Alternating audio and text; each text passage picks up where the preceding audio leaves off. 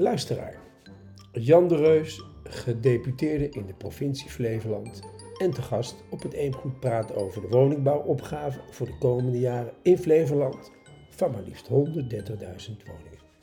In gesprek met mij, Sand Ruiter, initiatiefnemer van het Eemgoed. Het gesprek gaat over een landgoed met de longhouses zoals het Eemgoed die kent. Maar er liggen ook nog andere dorpslandgoedontwerpen in het verschiet. Waarbij ook ruimte is voor high houses en free houses. Luister mee. Jan de Reus, welkom in de woonkast. Ja. Ehm, misschien voor de, de luisteraar die niet precies weet wat een gedeputeerde is, kun je, zou jij kort kunnen typeren, wat is dat, gedeputeerde zijn? Als ik het aan mijn kleinkinderen uitleg, zeg ik altijd: ik ben de wethouder van de provincie. En dat snapt iedereen. Ja, of die minister van de provincie. Ja, dat is een Of beetje is dat- overtrokken, denk ik. Want eh, Ja, enige bescheidenheid mag een gedeputeerde ook wel hebben. jawel, want je bent, je zei het zelf al in het vorige gesprek, je bent ook gewoon eh, ja, gekozen, je, je, be- je bekleedt een functie en het is niet zozeer een beroep. hè. Nee, klopt. Je wordt echt gevraagd. Ja. Ja. Ehm, we hebben een kort maar krachtig gesprek wat mij betreft. Jij hebt in je portefeuille ruimtelijke ordening en ook infra en ook mobiliteit.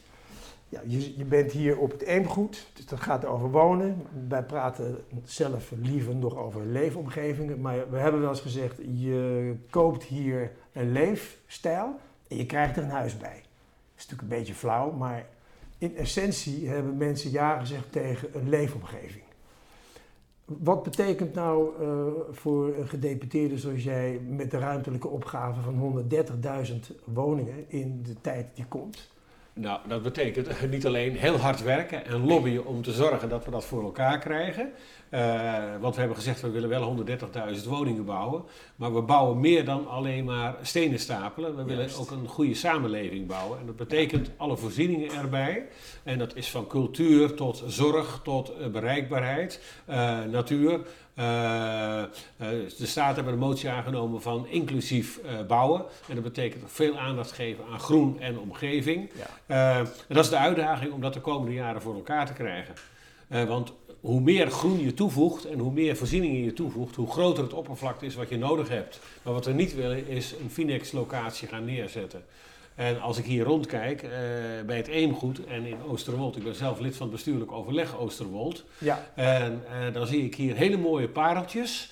Ehm, Het is wel heel spannend overigens. Eh, want ik weet dat wij de hele discussies hadden in de stuurgroep over bijvoorbeeld de, de, de riolering. Hoe- gaat dat nou en waarom loopt dat nou niet goed? Nou, verkeerde, eh, verke- verkeerde riolering, hè? hoe heet die dingen ook alweer? Eh, hele vitefiltering. Ja, eh, dat soort Of, dingen. of, of technische IBA's. IBA's, ja. Die- ja. Daar, zit gewoon een probleem in. En dan kan je zeggen, dat zijn de verkeerde gekocht, de kleine gekocht of Ja. wat dan ook. Ja. Maar het functioneerde niet goed. Dus in fase 1b gaan we op een andere manier daarmee om. Ja. Maar ruimtelijke ordening, ik heb ruimtelijke ordening, wonen en landschap in de portefeuille. Ja. En die combinatie vind ik ook heel logisch, want Precies. alles heeft behoorlijke invloed. En we hebben net een landschapsvisie vastgesteld in eh, de provincie door provinciale staten in overleg met alle zes gemeentes. Dus het is een heel gedragen stuk waarbij we zeggen, dit zijn de contouren van Flevoland van het verleden. Eh, maar we gaan ontwikkelen, maar we willen wel zorgen dat Flevoland herkenbaar blijft. Maar we gaan niet ontwikkelingen tegenhouden. Wat zijn we, wat jou betreft de, de kenmerken van Flevoland als het gaat over ruimte en wonen en, Ehm, en landschap? Het belangrijkste in eh, een paar woorden is, we zijn een ingenieurswerk. We zijn polders met rechte Ja. lijnen. Ja. En die moeten we overeind houden. En we zijn ontwikkeld voor overloop van de Randstad qua woningbouw. En we zijn ontwikkeld voor landbouw, voedselproductie. En als je die twee elementen eh, wilt combineren, dan weet je gewoon dat je in Flevoland, eh, in zuidelijk, in, eh, we zitten hier in zuidelijk Flevoland, maar ik kijk even naar zuidelijk en oostelijk Flevoland. Maar het geldt ook voor de Noordoostpolder. Dan wil je het grote hart in de polders wil je vooral behouden voor landbouw. Ja. En eh, ook intensieve landbouw, want dat hebben we gewoon nodig in de wereldvoedselproductie. Wat iedereen ook zegt van daar moeten we vanaf, maar je hebt het gewoon nodig. En eh, daaromheen heb je eh, ehm, gewoon de mogelijkheden voor woningbouw. En wat we in de provincie doen, eh, samen met de gemeentes, dat is bijvoorbeeld met de gemeente Almere, hebben we gezegd, als Pampus wordt ontwikkeld, Pampus wordt als alles goed gaat, een zeer dicht bevolkt gebied. Met veel hoogbouw, flats. eh, Ja, hoge woondichtheid. Hoge woondichtheid, 35.000 woningen als het aan mij ligt. En Ja. misschien nog wel meer als je in het water gaat. Ja. En eh, hoe meer je de polder ingaat, hoe dunner het wordt, hoe lager het wordt.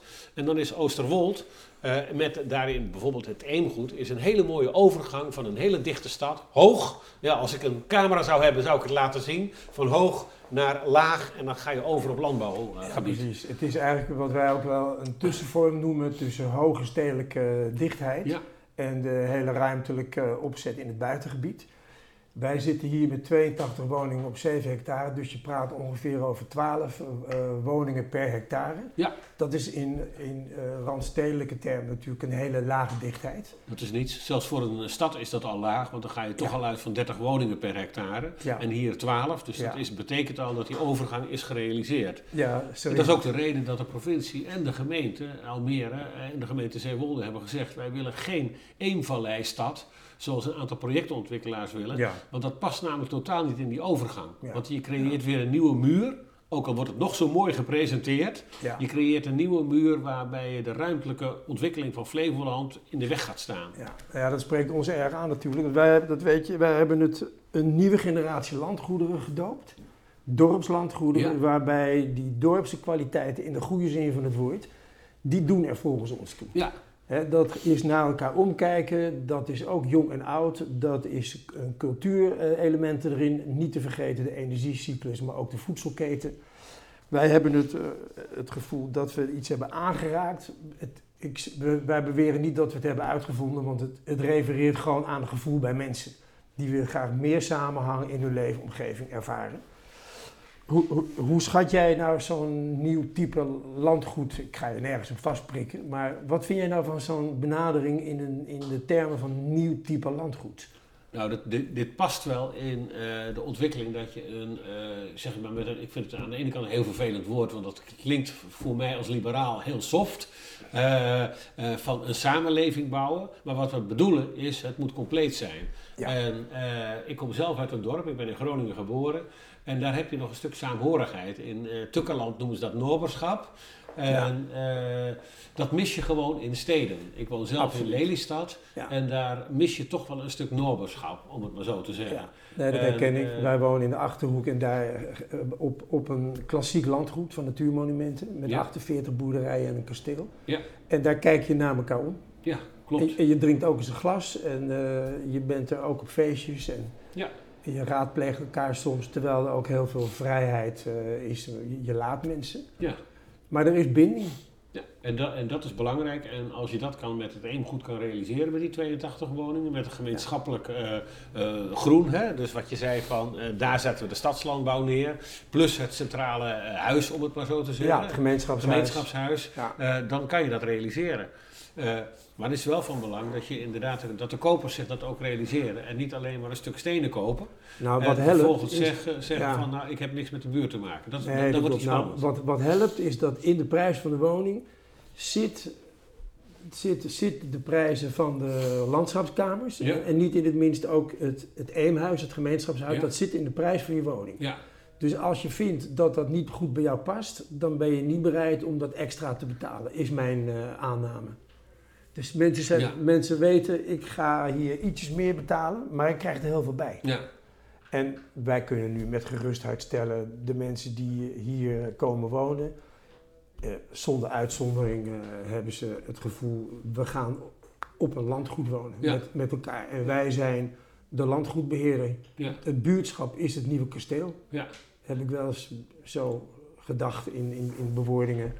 Even een nieuwsgierige vraag. Wat is de populatie? Want je hebt 82 eh, ja, woningen verkocht. En Ja. is dat nou allemaal eh, even juppen met kleine kinderen? Of is dat een mengeling van de hele, van de hele bevolking? Nou, ik moet eerlijk zijn, dit project is alleen maar in koop gegaan. Ja. Dat betekent dat mensen die graag huren en ook bereid zijn hoge huren 1000, 1200 euro te betalen. Ja. Dat is niet gelukt. Dat, dat vind ik wel eh, jammer. Dat Ja. is iets voor een volgende fase in een andere setting. Ja.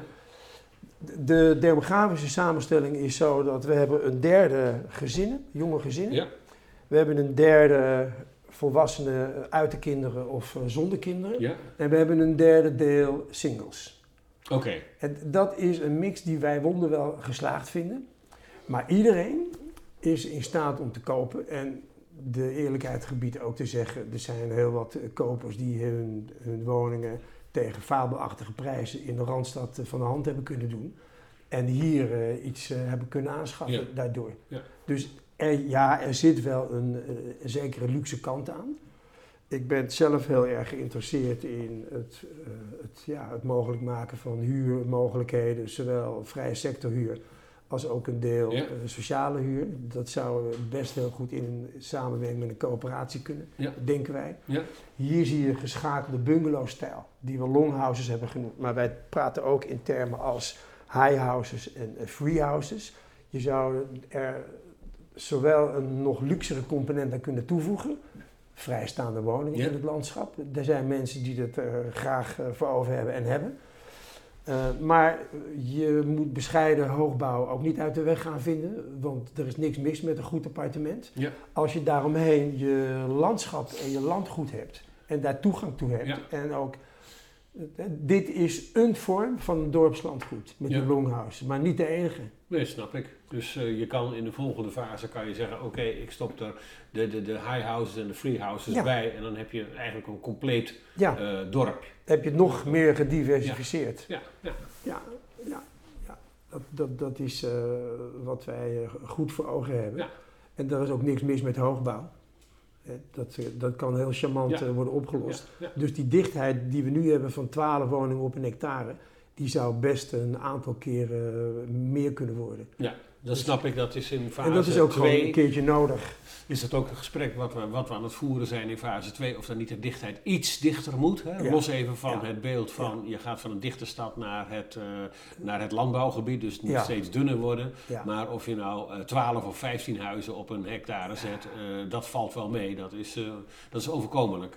En wat mij wel aanspreekt hier in ieder geval, eh, toen wij een rondleiding hadden hier net, eh, is eh, de stadslandbouw dat je dat allemaal centraal zet, tussen de huizen in Ja. als het ware. Ja. Ehm, omdat als ik kijk in Oosterwold zie ik heel veel kavels met heel veel, oneerbiedig gezegd, wat gefrunnik voor eigen eh, huis. Een beetje Ja. groente en een beetje fruit en, een, en een geitje erop. Terwijl als je stadslandbouw echt serieus wilt nemen, dan moet je veel grotere oppervlaktes Eens. hebben. En dan zou je dus huizen met elkaar moeten combineren Ja, in de, in de gemeenschap. ja Die moet je gezamenlijk, samenhangend eh, doen. stadslandbouw Eh, doen. Eigenlijk zeg je, dat moet je samenhangend doen. Ja, dat klopt. is gewoon, anders krijg je het niet voor elkaar. Ja.